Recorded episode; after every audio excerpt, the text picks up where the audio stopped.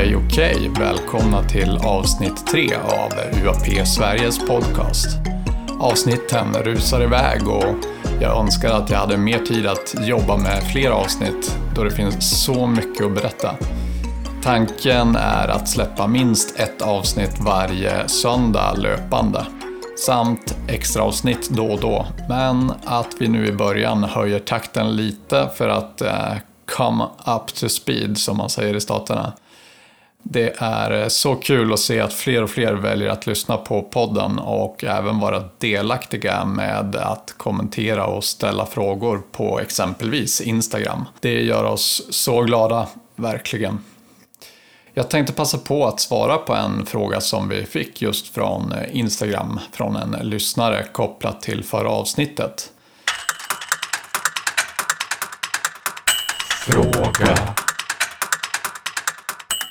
Frågan var om varför USA skulle hålla det som kallas zero energy, alltså utvinnandet av energi ur etern, hemligt när de likväl skulle kunna tjäna pengar på detta istället för olja. Det är en mycket bra kritisk fråga tycker jag. Och som svar så vill jag först bara klargöra att energitesen som jag berättade om i förra avsnittet, det är en tes av flera andra.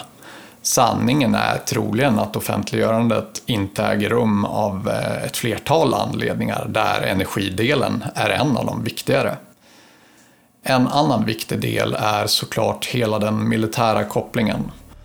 Har man kontroll över och lyckats återskapa en fungerande UAP så är det förstås ett monstruöst S i rockärmen vid en eventuell konflikt. Och taktiskt så spelar man inte sitt S förrän det behövs. Man vill alltså inte visa för främmande makt att man sitter på ett supervapen innan man kan få extremt god användning för det. Men tillbaka till energitesen. Vi vet att med mycket stor sannolikhet så har USA tillgång till den här typen av system. Vi vet att de länge har arbetat med att återskapa dem. Vi har inte sett till någon teknik som har kommit ut från dem och hemlighetsklassificeringen pågår. Det tycks mest troligt att man just nu på bred front inte har lyckats skapa egna UAP-system. Informationen om framstegen i programmet är svåröverskådade. Det finns en hel del ögonvittnen inifrån olika delar av programmen men en svårighet är att den här typen av hemliga program är fucking delade. Varje liten grupp arbetar med en isolerad del att lösa och de har ingen som helst kommunikation med varandra. Det kan exempelvis handla om att du som tidigare astrofysiker har blivit anställd för att försöka återskapa en del av en krets som man inte förstår sig på. Du arbetar i ett labb tillsammans med en annan tekniker och ni har ingen kontakt alls med de andra som arbetar med sina små delar av återskapandet. Denna fackstruktur är vad kritiska forskare som vittnat om och inifrån programmet höjer som det stora misstaget. Det är inte så normal forskning fungerar och gör framsteg. Vanligen är det mer ett open source och samarbetsövning på global nivå. Ett forskarlag kommer fram till något, gör en upptäckt och skriver en artikel om det där de eh, beskriver metoder, källor och så vidare. Allt för att vilken forskare som helst i världen ska kunna återskapa experimentet, kritisera eller göra ett liknande experiment fast med en annan metodik och komma ett steg vidare mot en lösning av problemet. Alla dessa utvecklingsmöjligheter stoppas inom programmet med stort P och det lyfts som en anledning till att man enligt vissa vittnesmål står och stampar. Det innebär också att det är extremt få som har översikten över hur framstegen går. Hade man offentliggjort den teknik man har så skulle framstegen om att återskapa exempelvis energidelarna kunna gå betydligt snabbare. Låt oss säga att USA just nu har tillgång till ett tiotals fungerande zero energy system Och återvända till frågan. Skulle de då inte kunna monopolisera och sälja energi och konkurrera ut oljan? För det första skulle man ju i så fall behöva offentliggöra åtminstone principen av tekniken. Man skulle ju kunna hävda att man kommit på det helt själva och inte behöva berätta att man har fått tekniken av icke-mänsklig intelligens. Man kan ju dock tänka sig att väldigt mycket frågor skulle börja ställas. Det skulle också ifrågasättas varför de inte producerar fler enheter i parti och minut. Hela världen skulle vilja ta del av det. Man skulle här få extremt svårt att förklara. Det skulle också vara väldigt svårt för USA att monopolisera detta. Säg att man flög under radarn med alla patentfrågor och liknande och inte offentliggjorde något av tekniken för att hålla den hemlig. Skulle världssamfundet acceptera att USA försökte kräma enorma pengar ur ett system som hade oändligt med energi? När det kommer till olja pratar vi om en produkt som är ändlig. Den tar slut. Därför berättigar den ett högt marknadsvärde. Om USA kommer med en teknik som är oändlig och samtidigt begär premium för att dela med sig av energin som hade kunnat rädda världen och inte heller tänker berätta hur man bygger det. Jag har svårt att se hur det inte skulle bli fullständig kollaps. Det är helt enkelt en säga A och inte säga B problematik. För att USA ska kunna offentliggöra energidelarna så måste man också offentliggöra var de kommer ifrån. Framdrivningssystem på fordon byggda av icke-mänsklig intelligens. Vilket alltså skulle innebära att man också måste sumpa sitt S i rockärmen. Och det vill man inte.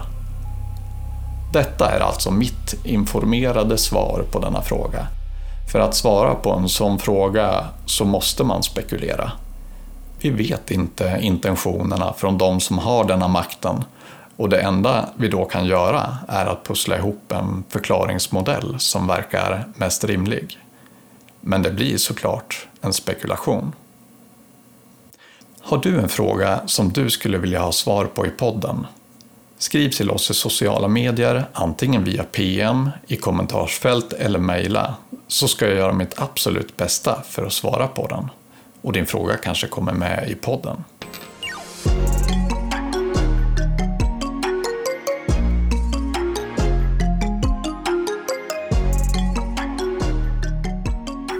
Men nu hoppar vi rakt in i hetluften. Kommer ni ihåg vart vi var? Vi har just lyssnat på ett ögonvittne samt vår visselblåsare hålla sina inledande anföranden i kongressen.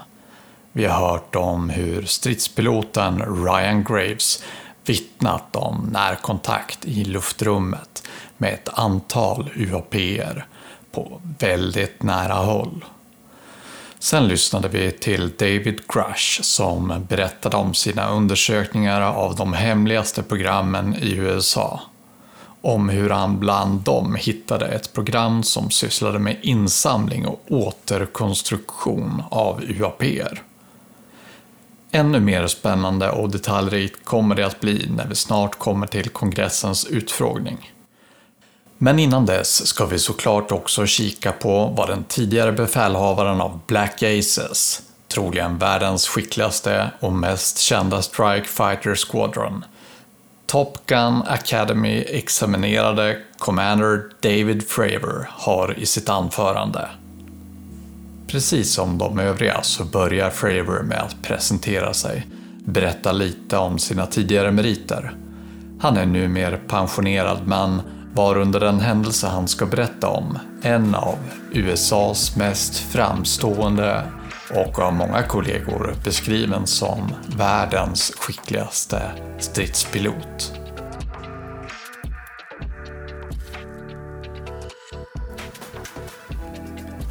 Fravor inleder med en händelse där han och hans skvadron är på en övning ombord på USS Nimitz utanför Kalifornias kust.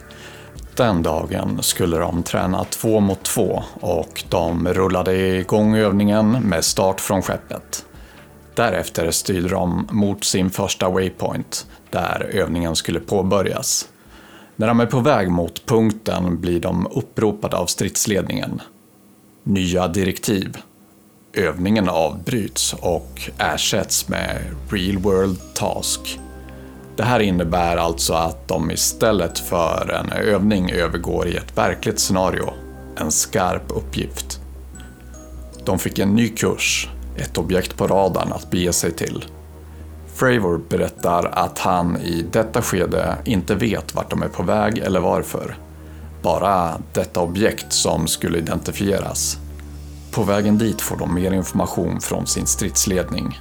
Föremålet som de är på väg mot är ett av flera av de här föremålen som över två veckors tid observerats komma ner från 80 000 fot, snabbt sjunka till cirka 20 000 fot och stanna där i flera timmar.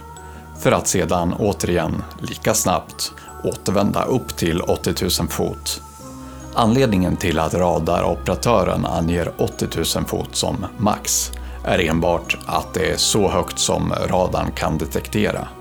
Fravor understryker också att 80 000 fot, för de som inte känner till det, är rymden. Med full fart närmar de sig området där radarn indikerar att objektet ska finnas. Det är totalt fyra stridspiloter, två stridsflygplan med bemanning på två i varje plan. De ligger på en höjd av 20 000 fot. Helt plötsligt ropar stridsledningen igen. De befinner sig i samma radarområde som objektet. De tittar sig omkring efter objektet, men de fastnar för något på vattenytan. Det är en lugn och stilla dag. Nästan ingen vind. Klart och fint väder. Det är därför iögonfallande att ett stort område på vattenytan under dem brusar. Området är ungefär stort som ett större passagerarflygplan och har ungefär den formen. Utefter hela området krusar vattnet, nästan som att det kokar. Det blir vita vågskvalp över hela ytan. Alla fyra tittar ner på det här märkliga fenomenet när de plötsligt ser objektet precis ovanför området där vattnet är vitt av krusandet. Det åker omkring där nere Fravor beskriver det som en pingisboll som studsar mellan väggar fram och tillbaka i snabba rörelser åt olika håll. Objektet är tic-tac-format, alltså som de små karameller som är vanliga i staterna. Små vita bitar i form av en Alvedon ungefär. Men det här objektet mycket större såklart. Fyra meter cirka. Det allra märkligaste är att objektet saknar vingar eller någon form av synligt framdrivningssystem. En helikopter är exempelvis lätt att se uppifrån då den rör upp luft och vatten med sin rotor. Här ser man inget sånt. Det är liksom bara den här tic-tac-formen. Ingenting annat sticker ut. Fravor tar snabbt beslutet att dyka ner mot objektet för att studera det närmare och identifiera det. Han påbörjar en kraftig nedstigning och beordrar det andra planet att hålla sig kvar på 20 000 fot för att kunna observera situationen ur ett högre perspektiv och kunna ge understöd därifrån. En kort stund efter att man påbörjat dykningen märker Fravor hur objektet reagerar på hans dykning. Det börjar då att stiga och helt spegla hans manövrar Objektet lägger sig precis i hans klockan 12, alltså rakt framför honom, och stiger i spiral när Fravor sjunker i spiral. När de efter ett tag börjar mötas höjdmässigt, ungefär på 13 000 fot, bestämmer sig Fravor för att genskjuta rakt över spiralrörelsen och ger fullt spjäll med riktning rakt emot objektet. Objektet reagerar ögonblickligen och påbörjar en acceleration helt i motsatt riktning och är på bråkdelen av en sekund helt borta. Kollegorna som observerar 7000 fot högre upp ser precis allt från sin position. Men accelerationen och farten på objektet när det skjuter iväg är så pass extrem att även de bara ser den första millisekunden av accelerationen innan det är helt borta. Fravor tar beslutet om att de då omedelbart ska vända tillbaka mot platsen för första observationen, där det märkliga vattenfenomenet ägde rum, för att istället undersöka det. När de kommer fram till platsen på bara några sekunder så ser de att det är borta. Det är en helt blank vattenyta som möter dem. Som att ingenting har hänt. Fravor tar ny kurs. Han färdas tillsammans med de andra mot den waypoint som var utgångspunkt för deras träning när han återigen får ett anrop från stridsledningen. Ni kommer inte tro det är sant, säger de. Objektet ni försöker identifiera befinner sig nu vid er GPS-punkt, 60 miles bort. Alltså nästan 10 mil bort. Detta är mindre än en minut efter jakten ägde rum Lägg märke till att det inte bara är häpnadsväckande med vilken hastighet objektet har färdat sig den här sträckan. Jag räknade till runt 7000 km i timmen. Men det är också oförklarligt hur objektet kan känna till deras waypoint. Observera den maktuppvisningen. De återvändes sedan till basen, kliver ur flygplanen där Fravor möter nästa träningslag som ska ut. Han berättar då snabbt för en av de piloterna vad som har hänt och uppmanar om att om ni ser någonting där ute så försök att fånga det, åtminstone på film.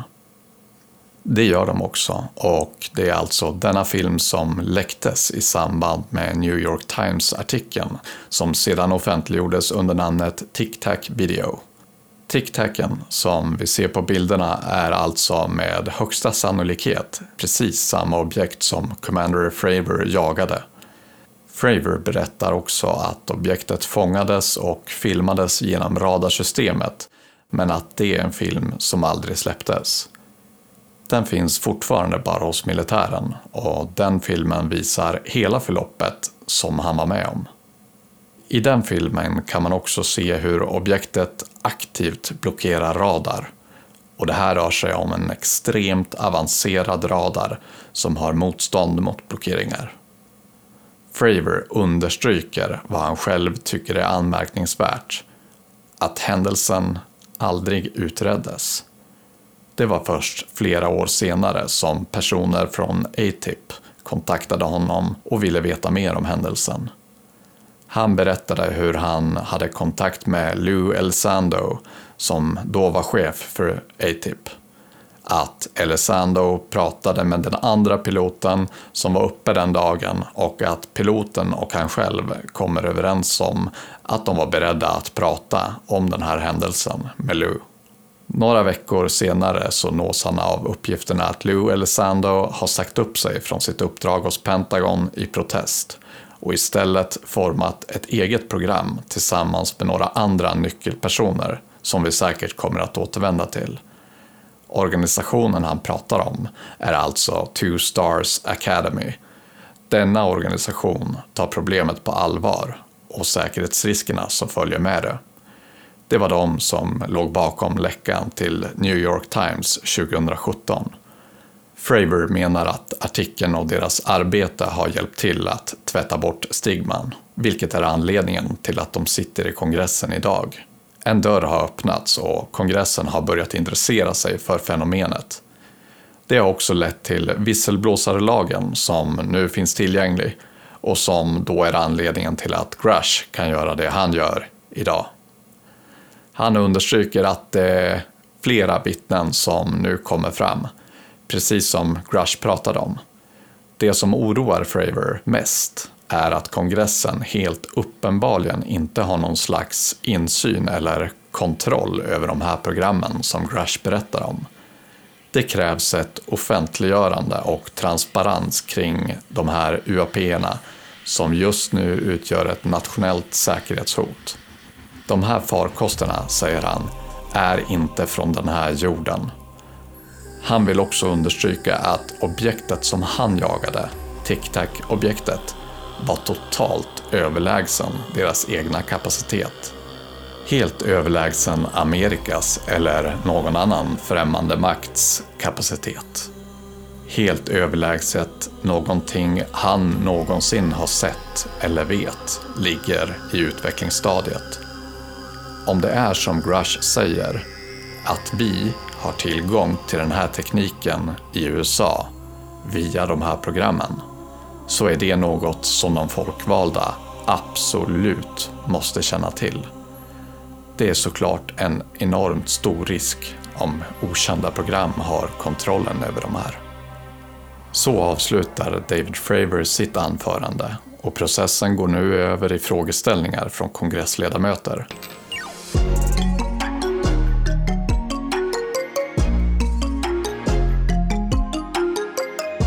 Som jag nämnde tidigare så kommer vi här inte att gå igenom samtliga frågor som ställdes utan jag tar mig friheten till ett axplock eller russina i kakan från det som ger mest intressant information. Men är du mer intresserad så rekommenderar jag verkligen dig att titta igenom hela kongressförhöret. Det finns tillgängligt på Youtube. Sök på US UAP Congressional Hearing så hittar du det. Första frågan vi tittar på är en fråga om Ryan Graves kan komma på någon typ av anledning till att rapporter om de här objekten eller filmer hemlighålls. Graves svarar att han absolut kan tänka sig att vissa delar som är filmade av vissa vapensystem som inte är officiella absolut bör vara föremål för hemlighetshållande men han kan inte överhuvudtaget förstå hur de här objekten och information om dem skulle behöva vara klassificerat. Kongressledamoten fortsätter att pressa frågan ytterligare och frågar om någon av de andra tre kan tänka sig någon anledning till att inte de senaste 15 eller 20 årens information kring UAPR skulle kunna offentliggöras. Vad är anledningen? David Grush väljer att svara på frågan och lyfter att en av anledningarna skulle kunna vara att militären inte vill visa upp sin svaghet. Att man inte vill berätta hur chanslös man är mot de här objekten. Eller att man har ett undermåligt rapportsystem. Ytterligare en fråga kommer. Man ställer frågan till vem som helst av de tre om de anser att objekten utgör ett hot för nationell säkerhet. David Fravor börjar att svara med ett tydligt ja. Han säger att anledningen är att tekniken de mötte är helt överlägsen mot någon typ av teknik som vi har tillgång till. Han säger att om man skulle lyckas fånga in en sån här UAP eller tic-tac, föreställ dig vad vi skulle kunna göra med den ett objekt som på nolltid kan röra sig från rymden ner i atmosfären under vatten i en hisnande hastighet. Han återupprepar, det finns absolut ingenting vi kan göra för att stoppa de här. Ingenting. Ryan Graves tillägger att oidentifierade objekt är en säkerhetsfara, inte bara när man är ute och flyger för att man kan krascha med dem, utan också för att när stridspiloter under en längre tid och vid ett flertal tillfällen möter och ser den här typen av objekt på radar och okulärt blir beordrade att inte göra något och ignorera dem. Det blir då efter ett tag såklart en öppning för främmande makt. Om de märker att man inte agerar på oidentifierade objekt så skulle man heller inte agera ifall främmande makt försökte ta sig in i luftrummet. Om vi tänker på väderballongshändelserna så kan man mycket väl tänka sig att det är just på detta sätt det har gått till och som Ryan Graves oroar sig för. David Grush får en fråga kring vilken typ av information det är som undanhålls. Han svarar att han inte kan gå in på detaljerna men att det handlar om information om material, om återskapande av UAPR och information om biologiskt material. David Grush får sedan en direkt fråga om han tror att myndigheter har UAPR i sitt förvar. Hans svar är snabbt och rakt. Absolut. Han fortsätter. Efter att ha talat med drygt 40 vittnesmål och sedan under lång tid noga undersökt deras uppgifter så är jag fullkomligt övertygad om att så är fallet. Han får en fråga om var UAP-erna i så fall är. Han säger att han har exakta platser och adresser men att han tyvärr inte i det här rummet med bakgrund i säkerhetsklassningen kan säga det. Men att han mer än gärna lämnar över de här uppgifterna till kongressledamöter med tillräcklig säkerhetsklassning. Han berättar också att han har överlämnat information om dessa platser till Inspector General. Han tillägger även att han lyckades få de vittnen som hade förstahandsinformation om platserna och förvaringen av UAPer att också själva vittna direkt inför Inspector General. Det blir vår sista fråga ut i dagens avsnitt. Nästa vecka kommer vi att beta av de sista intressanta frågorna som ställdes och sedan undersöka vad som har hänt efter dessa förhör.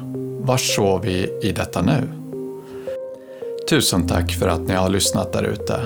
I era bilar, på jobbet målandes jobbiga taklister eller körandes lastbil i ändlöst land. Jag är så tacksam för det. Glöm inte att följa podden på sociala medier. På Instagram, där finns vi under namnet uap.sverige eller på X, där vi heter uap-sverige. Vill du komma i kontakt med oss? Kanske har du en bra idé för podden eller är själv ögonvittne och kan berätta om din historia för oss. Maila oss gärna på info uap.sverige.gmail.com Tills nästa vecka, lev väl!